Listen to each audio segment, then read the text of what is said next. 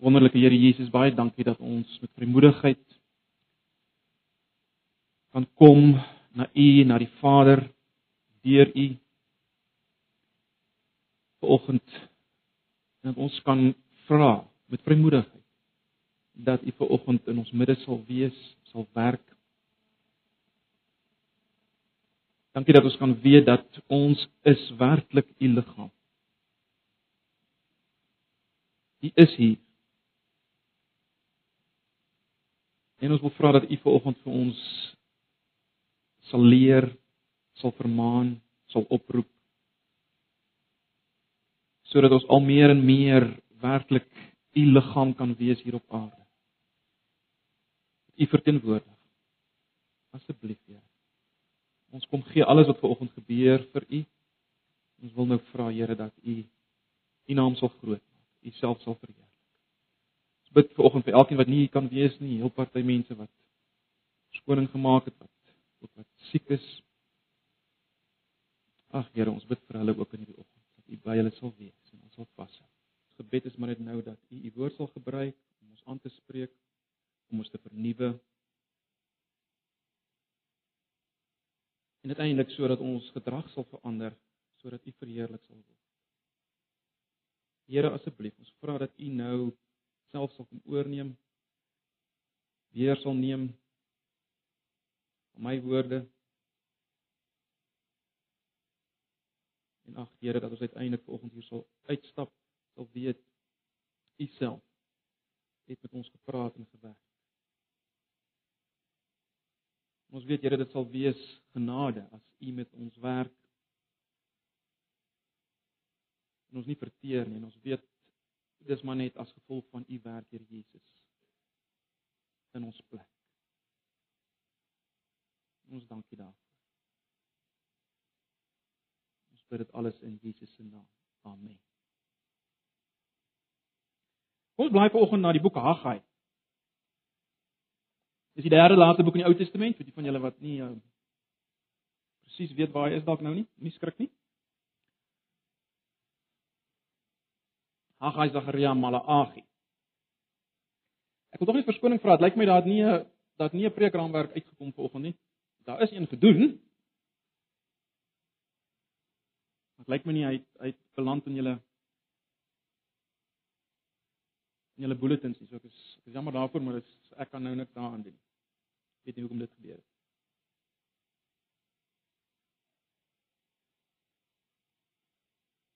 Goed, Haggai hoofstuk 1. Haggai hoofstuk 1. Kom ons lees saam daai eerste 11 verse van Haggai hoofstuk 1. Die woord van die Here het deur die profeet Haggai gekom tot Serubabel, seun van Shealtiel en goewerneur van Juda. En tot die hoofpriester Jesua, as jy 'n 53 vertaling het, sal sal dit wees Joshua. Jesua of Joshua, seun van Josadak. Dit was op die eerste dag van die 6de maand in die tweede regeringsjaar van koning Darius. So sê die Here die Almagtige. Hierdie volk sê dit is nie nou die tyd om die tempel te herbou nie. Toe die woord van die Here weer deur die profeet Haggai gekom, is dit nou die tyd vir julle om in pragtige huise te woon terwyl my huis in pyn lê. Daarom, so sê die Here die Almagtige, neem ter harte wat met julle gebeur. Julle het baie gesaai maar min geoes, julle het geëet maar nie genoeg gekry nie. Julle het gedrink maar dors gebly. Julle klere aangetrek, maar nie warm geword nie. Julle is soos 'n dagloner wat sy loon in 'n stikkende beursie steek. So sê die Here die Almagtige: Neem ter harte wat met julle gebeur. Gaan haal hout in die berg en herbou my huis sodat ek my eer kan ontvang en tevrede kan wees, sê die Here. Julle het 'n groot oes verwag, maar min gekry en wat uh, julle nog huis toe gebring het, het ek laat verdwyn. Waarom vra die Here die Almagtige? Omdat my huis in pyn lê, terwyl elkeen van julle hard besig is om aan sy eie huis te werk. Dit is oor julle dat die hemel sy reën en die aarde sy opbrengs terughou het. Ek het droogte laat kom oor die land en oor die berge, oor die koring, die wyn en die olie en oor die opbrengs van die land, oor mense en dier en oor alles waarmee die mens om besig is. Lees net so. Nou broers en susters, ons is vanoggend hier by wat ons noem hertoewyding. Dis 'n kom ons sê maar 'n tradisie van Antipas uh om eenmaal 'n jaar so geleentheid te hê. Uh en ons noem dit hertoewyding. Die hele punt daarvan is maar net dat ons uh daarmee sê dat ons ons weer verbind tot hierdie kom ons sê plaaslike gestalte, sigbare gestalte van die kerk van Jesus Christus. Antipas. Om dit bietjie meer te definieer, as ons sê ons verbind onsself, dan sê ons ons verbind ons aan die een kant eerstens om onsself oop te stel vir groei, vorming en skawing deur die woord van die Here en deur medegelowiges. So ek verbind my daartoe om myself oop te stel daarvoor. Aan die ander kant verbind ek myself daartoe om 'n instrument te wees om dit vir ander te wees. In 'n ander woorde, ek verbind myself daartoe om 'n instrument te wees wat ander ouens vorm en skaaf en toelaat dat hulle groei. Met natuurlik al die verantwoordelikhede, opofferinge en tyd wat dit verg om so 'n instrument te wees. vir opbou en skawing en vorming van ander. So dis waaroor hertoewyding gaan. Nou, 'n logiese vraag is natuurlik nou maar hoekom is dit so belangrik om onsself te verbind tot die gemeente? Ek meen, ons almal het baie ander dinge waarmee ons besig is. Hoe belangrik is dit regtig om onsself te verbind tot die gemeente? Met ander woorde, is dit belangrik en indien wel, hoekom is dit belangrik? En ek wil hê broers en susters ons vanoggend hierdie twee vrae beantwoord nadat ons bietjie gekyk het na hierdie gedeelte in Haggai 1 vers 1 tot 11. Nou natuurlik is dit 'n Ou Testamentiese gedeelte en daarom moet ons eers bietjie daarna kyk binne sy eie konteks en tyd. En uh dan sal ons kyk of dit op ons van toepassing is, ons situasie en hoe dit van toepassing is. So dis wat ons gaan doen vir. So kom ons kyk net eers na Haggai 1 vers 1 tot 11. Kom ons kyk na die breë konteks. Wat is die breë konteks hier? Nou ons het hier te maak met die mense wat teruggekeer het uit die Babiloniese ballingskap. Wat jy wil plaas, dis waar ons hierdie boek kan plaas. Ouens het teruggekeer uit die Babiloniese ballingskap. Hulle het vol hoop teruggekeer, hoor. Dit was vol hoop geweest dat dinge nou weer gaan regkom vir hulle as volk van die Here. Maar op die oomblik, op die oomblik wat hierdie boek geskryf is, in die oomblik waarmee hierdie boek begin, uh was hierdie mense alles behalwe op die kruin van van optimisme en hoop. Want jy sien hulle het slegte oeste gehad en uh hulle was gefrustreerd oor al die teenkanting wat hulle gekry het van ouens rondom hulle. En meer as dit alles, die tempel was nog 'n ruïne geweest. Die tempel was steeds 'n ruïne. 16 jaar gelede is die fondament hergelê van die tempel. Ons lees daarvan in Esdra hoofstuk 3, maar sedertdien dan nie veel gebeur nie. Met ander woorde, hulle hulle het 'n groot visie en gehad vir vir wat sou kom en gewellige voornemens gehad, maar dit het alles misluk. En daarom kan ons sê hierdie ouens is is is ontmoedig en hulle is as gevolg daarvan apaties. Hulle is ontmoedig en hulle is apaties. Daar's 'n interessante uh, aanduiding alreeds in vers 1 dat dat die volk nie op 'n goeie plek was nie. Mense mis dit miskien maar uh jy sal sien die einde van vers 1 lees so. Dit was op die eerste dag van die 6ste maand in die tweede regeringsjaar van die koning Darius. Nou nou dis 'n interessante aanduiding van die toestand van die volk. Hulle was terug in die beloofde land. Maar hulle was was onder die heerskappy van 'n heidense koning. So om om na die breë prentjie te kyk, God se mense was weer op God se plek. Hulle was onder 'n heidense koning. Jy sien dit baie interessant, die ander profete uh sou julle al gesien het begin altyd so. In die soveelste jaar van die soveelste regering van koning so en so, maar dan word daar verwys na een van hulle eie konings. Nou word hier verwys na koning Darius, 'n heidense koning. Hy was nie 'n slegte ou nie. Ek meen, daar was redelike vrede oor die algemeen gewees onder sy heerskappy, maar was hy heidense koning. En hierdie was die volk van die Here. Die Here was natuurlik nie genooi daarmee om sy mense in hierdie toestand te los nie en daarom stuur hy die profeet Haggai om die leiers van die volk aan te spreek en deur die leiers die volk. So kom ons kyk 'n bietjie na hierdie diep snydende woord van die Here. Die woord van die Here kom na hierdie, onthou nou na hierdie apatiese ouens. Hierdie mense wat bietjie hoop verloor het, apaties is, ontnigter is. En dit kom deur Haggai. Woord van die Here kom deur Haggai. Nou die blote feit dat die woord van die Here kom is alreeds geweldig, nê, nee, want dit sê vir ons die Here is nie dood nie. En dit moes vir hulle gesê Dit mag dalk so lyk, maar die Here is nie dood nie. Hy was bewus wat aangaan. Hy weet wat die situasie is. Hy's betrokke daarbey. Die woord van die Here het gekom. Hy praat. En hy praat deur Haggai en die leiersfigure tot die volk. Hy spreek eers die leiersfiguur word eers aangespreek deur Haggai. So die Here spreek Haggai aan, praat deur Haggai, Haggai met die leiers en die leiers moet nou verder met die volk praat.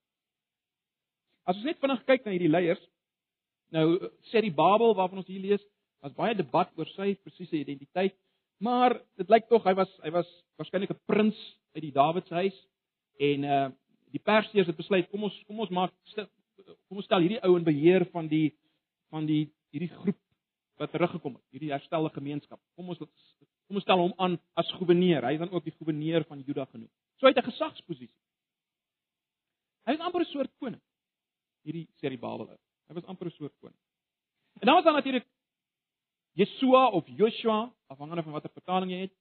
Uh hy was die geestelike leier, né? Nee, hy was die geestelike leier van hierdie nuwe gemeenskap.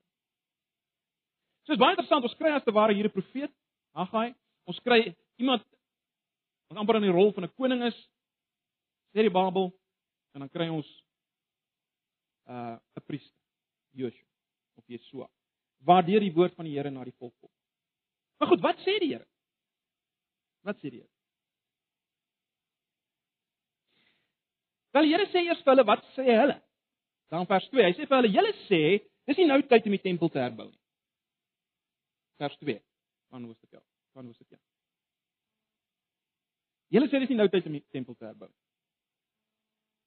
En dan is die Here amper in 'n sin met respek gesê amper so 'n bietjie sarkasties. Hy sê: "Maar is dit dan nou is dit dan nou tyd om in julle lekker huise te bly?" vir implikasie, is dit dan nou is dit dan nou eerder die tyd om julle huise te bou as as as my tempel, my huis. Vers 4. sien julle dit? Vers 2 herhaal hy hulle vraag of wat hulle eintlik sê, dis nie nou tyd om die tempel te herbou nie en dan vers 4 sê hy so so so is is wat julle eintlik sê, dis nou dis nou die tyd om in julle lekker huise te bly. Dit eerder te bou in aanhangstekens as my tempel. So broers en susters, wat die wat die Here eintlik per definisie hier vir hulle sê is dat julle sê deur julle optrede, dis nie nou belangrik om die huis van die Here te bou, die tempel te bou. Dis nie nou belangrik om my huis te bou nie. Dis nou belangriker om besig te wees met ander dinge. Dis wat julle eintlik sê. Nou, vir ons te hard is op hierdie mense. Uh daar was waarskynlik heelwat, kom ons noem dit in aanhalingstekens, legitieme redes in aanhalingstekens legitieme redes waarom hulle kon sê wel ons kan nie nou ons kan nie nou eers 'n tempel bou nie. Dis nie nou die regte tyd. Daar's so 'n paar sogenaamde legitieme redes wat mense sou kon uitlig. Daar was eerstens vyandskap van omliggende volke gewees. Nou alhoewel Kores beveel het dat hierdie werk uitgevoer word in Esdra 1 vers 2 tot 4. Dit verloop dis 'n baie interessante verskynsel dat hierdie koning beveel het dat die volk moet terugkeer en dat hulle hulle tempel kan herbou.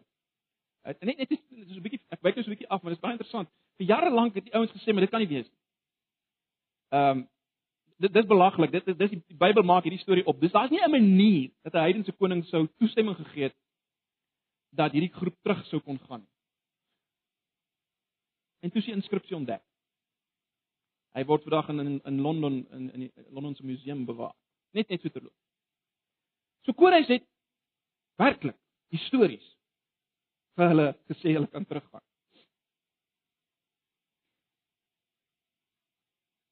Maar ten spyte daarvan was die omliggende volke vyandig geweest. En uiteindelik het die het die het die volk uh, van die Here het, het die hulp van die Samaritane en ander groepe geweier en en toe het hulle nou eers begin om hierdie werk teen te staan. En ons sien dat selfs nadat die tempel se bou hervat is, het hulle hulle ook teen gestaan. So daar was die teenstand geweest van van die omliggende volke wat wat 'n legitieme rede sou wees waarom hulle nie nou kon bou nie. Dan was daar die, die onstabiele internasionale situasie. Met ander woorde, die die weiere situasie was ook onstabiel. Kores se seun Kambises het vir Egipte ook ingelei by Perse uh, by Persië en dit sou beteken blykbaar onder andere dat vreemde troepe sou heeltyd daardeur beweeg deur die land en dit sou natuurlik dit ook moeilik maak om nou hierdie tempel te herbou. So daar was daar was hierdie onstabiele internasionale situasie. Dan was daar die slegte ekonomiese posisie. Die slegte ekonomiese posisie. Ek meen die land waarheen hulle nou teruggekeer het, uh, het steeds swaar gekry as gevolg van die die oorlog wat daar was, die vernietigende oorlog en en en dit sou baie kos om hierdie land te herstel. Nou ons sal nou net sien dit was nie die ware rede vir die ekonomie, ekonomiese probleme nie, maar maar maar hulle het dit so beleef. En dan word daar was genoeg rede om te sê kyk kyk ons kan nie nou die finansies spandeer aan die tempel nie, maar daar's net nie genoeg nie.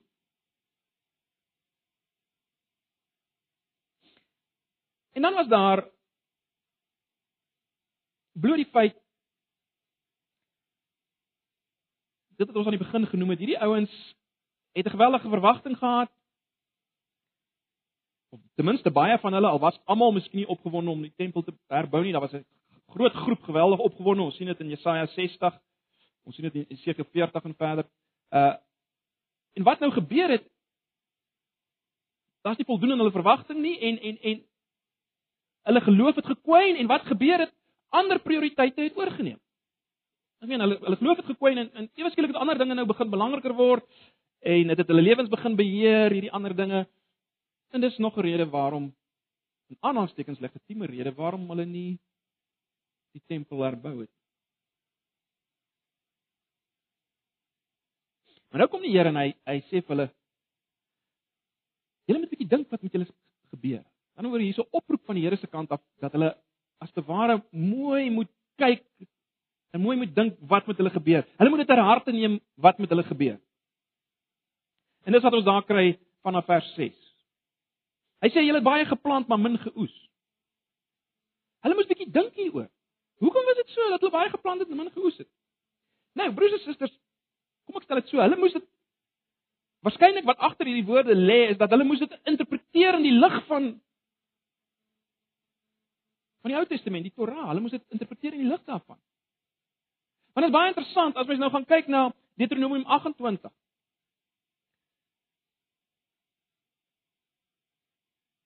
Julle weet daar in Deuteronomium 28 27 en 28 kry ons die vloeke en die seëninge wat uitgespreek word oor die volk. Wat gaan gebeur as hulle die verbond verbreek en wat sal gebeur as hulle die verbond hou? En onder andere onder hierdie vloeke wat uitgespreek word oor wat sal gebeur as hulle die verbond verbreek, word daar genoem. Julle sal baie plant maar menoos. Presies so. Gaan lees maar Deuteronomium 28 vers 38 tot 40. Deuteronomium 28 vers 38 tot 40. Gaan lees maar al daai verbondsvloeke. Dis geweldig. Wat sal gebeur as hulle die verbond verbreek? En in terloops dan verstaan mens beter wat wat wat het Jesus in ons plek deurgegaan want hy het die vloek van verbondsverbreeking gedra volgens Galasiërs 3. Maar goed, die punt is dit wat nou met hulle gebeur is 'n teken van God se oordeel oor verbondsverbreeking. Dit was ernstig. Hulle baie geplant maar min geoes en dan gaan die Here aan en hy sê, "Julle het geëet maar nooit genoeg gehad nie." Dit kan ook verwys na hierdie na skaarste of selfs na 'n siekte wat hulle heeltyd so laat voel het dat hulle nie genoeg het nie. Maar dit was weer eens, dit was deel van verbondsvloek. Julle het gedrink, maar julle dors is nooit geles. Julle het aan klere aangetrek, maar nie warm gekry nie. Nou waarskynlik op 'n simboliese vlak verwys al hierdie dinge na na 'n materialistiese ingesteldheid wat nooit versadig nie. Spesifiek hierdie julle klere aangetrek, maar nie warm gekry nie. Geweldig materialisties geraak, maar daar was nie bevrediging nie. Dis interessant. Uh hulle hulle verdien inkomste, maar hulle beer hulle dit gevoel asof hulle beursies gate ingehaat het. Julle het gesien? Gevoel of hulle beursies gate ingaan. Dis wat hulle beleef het. En dan kom die Here in vers 9 en hy maak dit baie duidelik wat is die rede daarvoor. Kyk 'n bietjie na vers 9. Waarom vra die Here die Almagtige? Waarom gebeur hierdie goed? Hoekom het julle dit so beleef? Wel, omdat my huis in pyn lê terwyl elkeen van julle hart besig is om aan sy eie huis te werk. Dis wat die Here sê. Waar kom alles met ander woorde vandaan wat hulle beleef? Dis belangrik. Waar kom alles wat hulle beleef vandaan? Ek meen hierdie dat hulle nie versadig word nie. dors nie gelees word nie. nie waarom? Waar kom dit alles vandaan? Wel kyk weer na vers 9 tot 11. En dan gaan so 'n bietjie klem lê op wat ek lees. Julle het 'n groot oes verwag, maar min gekry en wat julle nog huis toe gebring het, het ek laat verdwyn.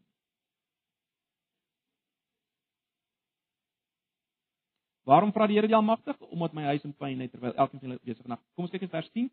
Dit is oor julle dat die hemel sy reën en die aarde sy opbrengs terughou. Ek vers 11. Ek het droogte laat kom oor die land en oor die berge, oor die koring, die wyn en die olie ensovoorts. Ek het dit. So dit van die Here gekom. Daarom kom daar 'n oproep in vers 7, né? Die Here gee die werklike oorsaak en dan roep hy hulle op in vers 7. Begin iets doen, gaan kry hout en bou. Hoekom is dit so belangrik dat hulle dit doen? Ons kry dit daar in vers 8. Hoekom is dit so belangrik dat hulle dit doen? Sodat hulle weer versadig kan word, sodat hulle weer warm kan word as hulle klere aantrek, sodat hulle beersies nie meer gehad het nie. Wel, eh, op 'n sekondêre vlak wel, as, as ons later in in in Haggai lees, dan sien ons die Here het geseën, maar dis nie die aanvanklike die die die die diepste rede nie, né? Wat is die diepste rede? Sien julle dit? Sodat ek my eer kan ontvang en tevrede kan wees, sê die Here. Dis hoekom jy dit moet doen, sodat ek my eer kan ontvang en tevrede kan wees, sê die Here. Dis dan vers 8. of ekskuus vers 8 is die oproep. So broers en susters, wat sê dit vir ons? Kom ons bring dit alles bietjie nader aan ons lyf. Het dit iets met ons te maak? Het dit iets met ons te maak? Dis die groot vraag. Het dit hoegenaamd iets met ons te maak? Kom ons dink daaroor. Eerstens kan ons dit gebruik wel. Uh kom ons herinner onsself net weer aan Romeine 15 vers 4. Ek dink dit gee vir ons 'n goeie aanduiding. Luister net na Romeine 15 vers 4. Jy hoef nie na te slaan nie. Luister net. Romeine 15 vers 4. Alles wat vooraf in die skrif opgeteken is, is tog opgeteken om ons te leer. Sodat ons deur die standvastigheid en bemoediging wat die skrif gee vol hoop kan wees. Die punt is ook dit is op ons van toepassing. Dis vir ons. Die vraag is nou, hoe is dit van toepassing op ons? Hoe is dit van toepassing? Ek meen ons ons sit tog nie nou in 'n situasie wat uh, waar daar 'n 'n tempel van klip iewers is wat in pyn lê. En ons al baie vir mekaar gesê uh hierdie gebou is nie die tempel. So selfs al sou ons vanoggend hier sit en hierdie saal is so half wat stukkend gebreek en klippe lê rond, dan was dit nog nie om daai rede van toepassing op ons. Nee, ons is nie meer 'n tempel van klip. Maar daar steeds 'n tempel. Bly gou na Efesiërs hoofstuk 2. En dit moet julle nou asseblief maar saam my bly.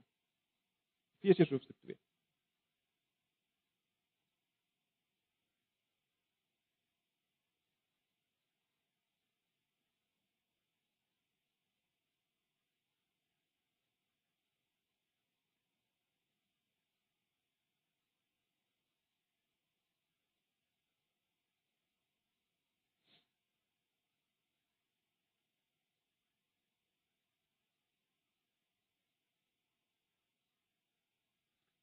Kyk gou na vers 20 van Efesiërs hoofstuk 2. Kom ons lees van vers 20 tot 22 Efesiërs 2.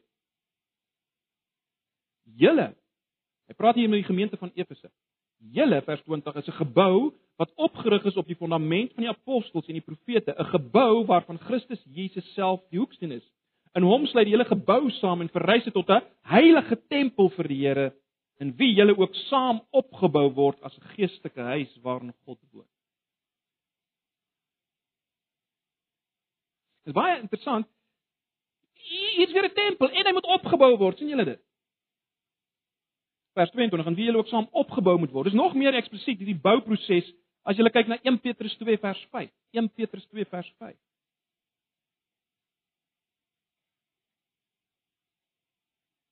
Ons lees die volgende in 1 Petrus 2 vers 5.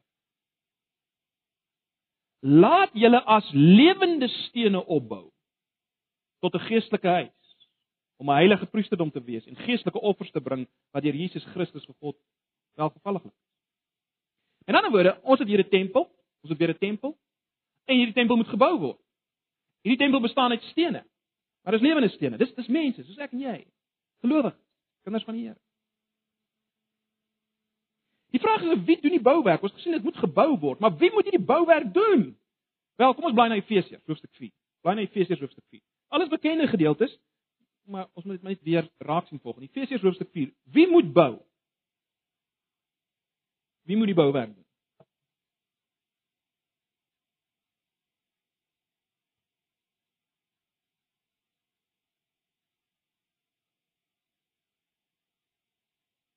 Efesiërs 4 vers 11. En dit is die gawes wat hy gegee het: apostels, profete, evangeliste en herders en leraars.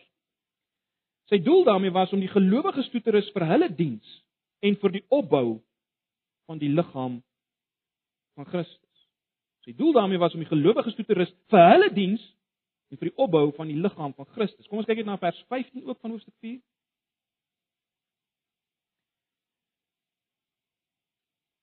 Nee, ons sal in liefde by die waarheid bly en so in alles op uh, in alle opsigte groei na Christus toe. Hy is immers die hoof en uit hom groei die hele liggaam. Die verskillende liggaamsdele pas by mekaar en vorm same eenheid. Elkeen van van hulle vervul sy funksie en so bou die liggaam homself op in liefde.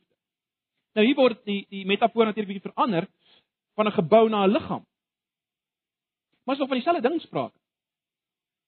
Die geboue in Efesiërs 2 was die gelowiges, gemeente, 'n plaaslike gemeente Efese word aangespreek as 'n gebou. Hier word die plaaslike gemeente aangespreek. En hier sprake van 'n liggaam wat gebou moet word. Nou, ons moet natuurlik net die volgende onthou as ons nou praat van die liggaam wat gebou moet word. Ons onthou toe Jesus op aarde was, was hy die plek waar God gewoon het. Ek het al baie vir julle gesê, as jy in die Nuwe Testamentiese tyd daar rondgestap het en jy wou weet, waar's God? Waar kan ek verseker weet ek kry vir God wel en wys jy na Jesus? Dis waar God gebly het. Dit was God met ons. In Johannes 2 vers 19 sê Jesus, hy kyk na die tempel en hy sê breek hierdie tempel af en in 3 dae sal ek dit opbou. En dan sê Johannes die skrywer in vers 21 van hoofstuk 2, hy het na sy liggaam verwys. Hy praat van homself. So, wat is die punt? Jesus was toe hy op aarde was, die woonplek van God waar die gees van God gebly het. Maar nou hy is nie meer hier. Hy het gesterf en opgestaan. En nadat hy opgestaan het, is die gees uitgestort. Die vier vlamme het op die koppe gaan sit van die 12. As bewys van God se teenwoordigheid. God die verterende vuur God. En nou is die kerk van Jesus Christus. Waarvan die 12 natuurlik die embrio vorm was. Hulle is die tempel. Of dan die liggaam van Christus. Dis waar die Gees nou bly. Soos die Gees God in Jesus gebly het, bly die Gees God self nou in sy mense. Hulle is nou die liggaam of as jy wil die tempel want Jesus se liggaam was die tempel toe hy op aarde was. Nou sy liggaam weer hier, hier sy liggaam En dis waar hy is. Dis waar hy wil wees. Maar nou, die punt is broers en susters, die opbou van die liggaam van Jesus is blykbaar nie voltooi nie. Dis wat ons nou sien in Efesiërs 4, dis wat ons sien in 1 Petrus 2, dis wat ons sien in Efesiërs 2 vers 20 tot 20. Die liggaam moet nog opgebou word. Die bouproses is nie klaar nie. En en daarom moet elke plaaslike liggaam besig wees met bouwerk. Daar moet 'n opbouproses wees.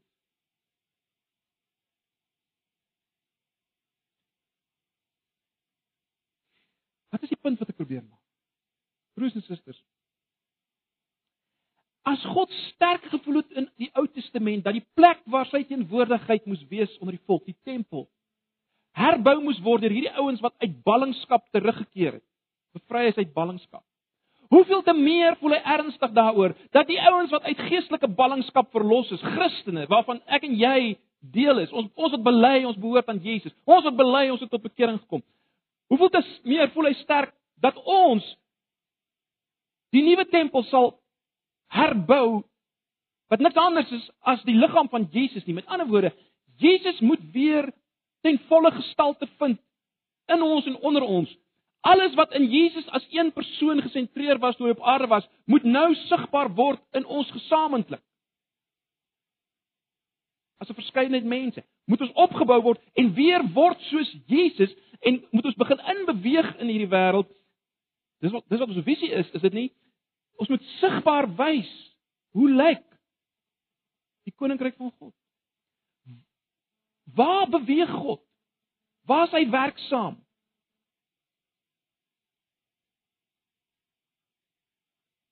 Waar het beweeg en waar was hy werksaam toe Jesus op aarde was wel in Jesus? Waar beweeg hy waar waar is hy werksaam nou? Sy liggaam. Ons weet dit broers en susters, hierdie is nie nuwe dinge nie, maar hoor ons dit volgende week. En daarom is dit so belangrik dat die bouproses plaasvind sodat volgens Efesiërs 4 Jesus weer ten volle gestalte vind, die tempel. Die tempel. Miskien moet ons osself op hierdie oomblik vra, is daar dalk enige verband tussen die dinge wat ons tref? En die tempel waarmee ons te doen het.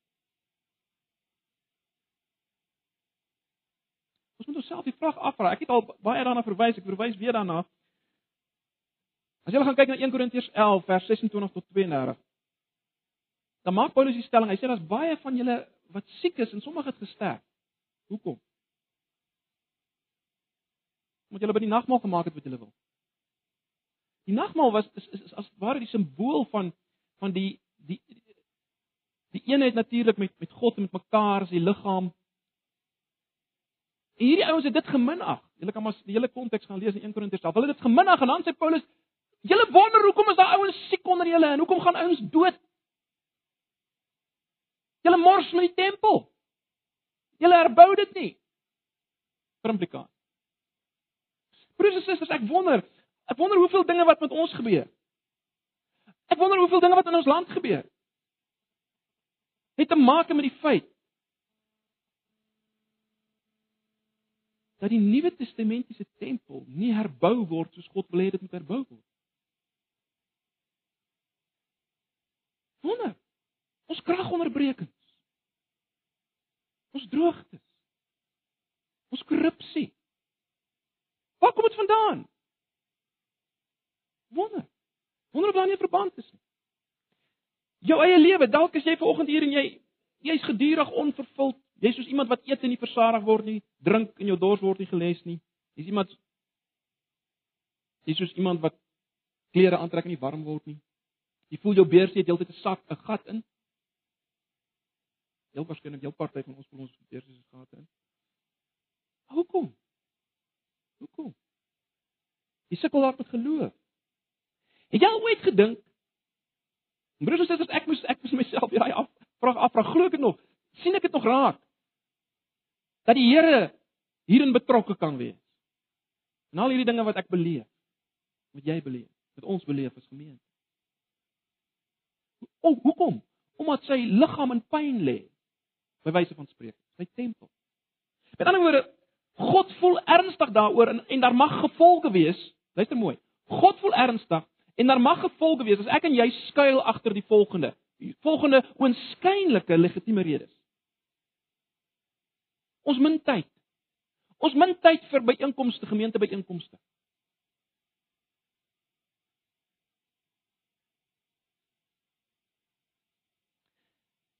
Terwyl ons dieselfde mense wat so min tyd het tot watter tyd die aande lê voor die televisie of die rekenaar of op die selfoon besig is. Ons min tyd. Ons is net te besig.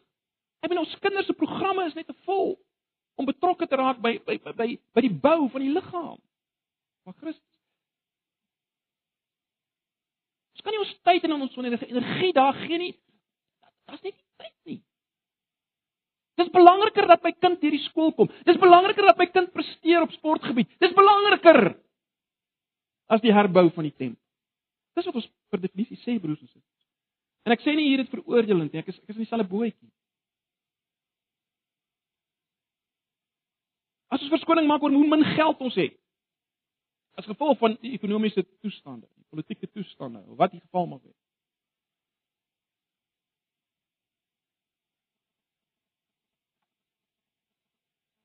Maar ons het min geld om die duur motor af te betaal en ons kyk na ons inkopiestrookies, dan lyk dit nie altyd of ons so min geld het nie. Maar maar as my min geld wat ons kan spandeer en inploeg in die werk van die Here vir sy opbou van sy liggaam. Ons is te besig en dit geld vir kinders ook wat nog op skool is en al lidmate is. Jy's te besig, het te veel werk. Waarom kan ek nie by die oor die gemeenteaktiwiteite betrokke raak en uitkom? Wat sê ons daarmee? Dink julle ons sê iets anders as wat die ouens in Nagai gesê het? Nee, ons sê presies dieselfde. Dit is net erger. Hierdie nuwe tempel is baie beter, baie heerliker, ons weet. Ag, broers en susters.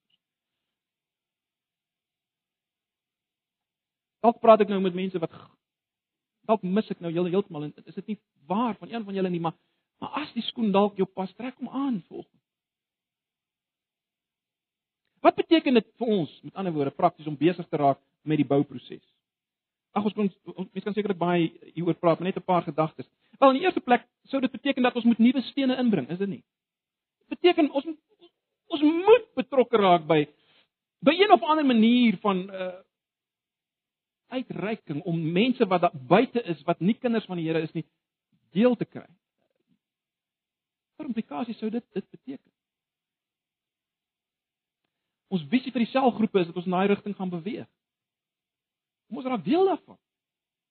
Ons raak betrokke. Kom ons gooi ons gewigte in om om die selgroepe te gebruik as punte waarby ons waar ons mense intrek, nuwe stene inbring. So, nuwe stene moet ingebring word. Bestaande stede, stene moet gevorm word, gekap word, ingevoeg word. Waar gebeur dit? Wel, dit gebeur, dit gebeur hier. As jy hier is, dit gebeur deur die woord wat van voor af kom in jou vorm en jou kap en jou skaap. As jy nie hier is nie, kan dit gebeur nie. Maar dit gebeur ook hier as jy hier met iemand praat en inbou. Maar natuurlik ook in die selgroepe val, die klein groepe. As jy daar is, jy's betrokke en en jy Jy word 'n instrument wat ander vorm en kap en jouself word daar gevorm en gekap.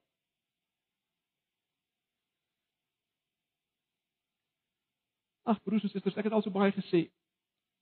As jy wegbly van byeenkomste af, behalwe dat die Here dit waarsku daar teen in Hebreërs ook ons daarna gekyk, maar as jy wegbly ontneem jy jouself die voorreg om gevorm te word, gebou te word en jy ontneem ander die voorreg om deur jou gevorm te word. Ons is een liggaam, ons is een gebou. Ons is so steen aan mekaar gekoppel. So, nuwe stene moet ingebring word. Bestaande stene moet gekap en gevorm word. En geld moet gegee word. Of as jy nou wil weet of nie, niks gebeur sonder geld vandag nie. Ook nie geestelike werk opbou van mekaar, gemeente uh aktiwiteite wat gerig is op die opbou na buite, na binne, maak nie saak nie. Broers en susters, daar's geld nodig. Daar's geld nodig. En daarom deel van betrokke wees by die bouproses is maar geld. Dit natuurlik volgens Jesus 'n betekenis van ons disippelskap, né? Nee kan baie oor praat, maar julle moet maar self daaroor gaan dink en bid. Wat is die gevolge van as ons dit doen? Wat is die gevolge as ons dit doen? Presies, dit is nie so seer dat dit met ons gaan beter gaan. Nie so seer dit. Ons nou gaan groei as gemeente en dit gaan goed gaan en so voort. Maar God kry sy eer. God kry sy eer. Dit waarvan hy gaan inpraat. God kry sy eer.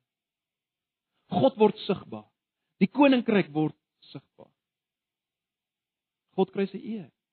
Waar moet die wêreld sien hoe is God? Wat doen hy? Waar moet die wêreld dit sien? Wel in ons. Gesamentlik. As individue ja, maar ook gesamentlik. Hoe ons optree, hoe ons mekaar bou. Daar sien hulle God aan die werk.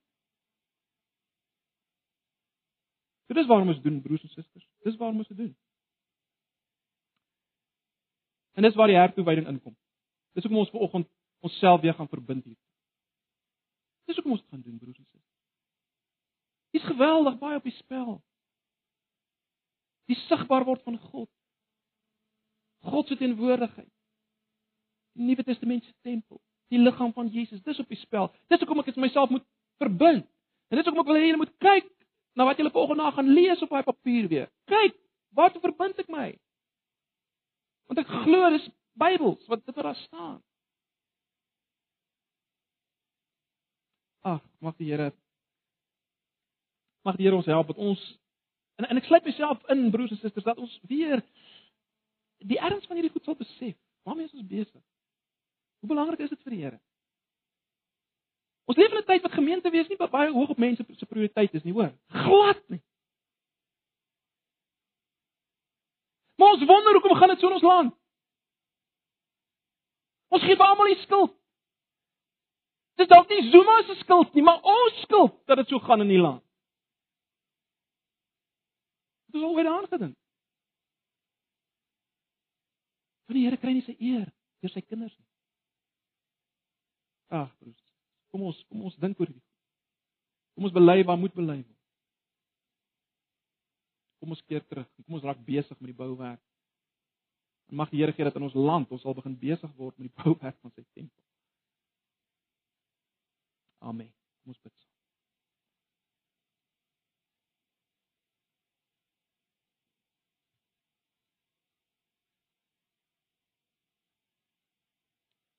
Ag Here.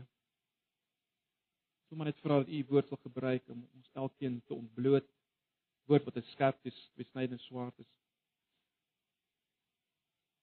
Help ons om elkeen vanoggend te sien waar is ons prioriteite? Wat sê ons met ons optrede oor U liggaam, U tempel? Wat sê ons?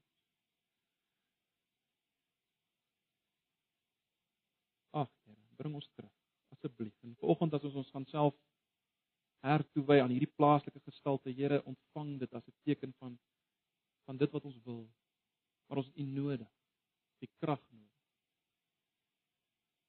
Dankie dat ons ver oggend die nagmaal kan vier. Dit waar ons hoop in lê, juis dat U gebreek is sodat ons gebou kan word. Juis U hierdie verbondsvloek gedra in ons plek. Ons dankie daarvoor.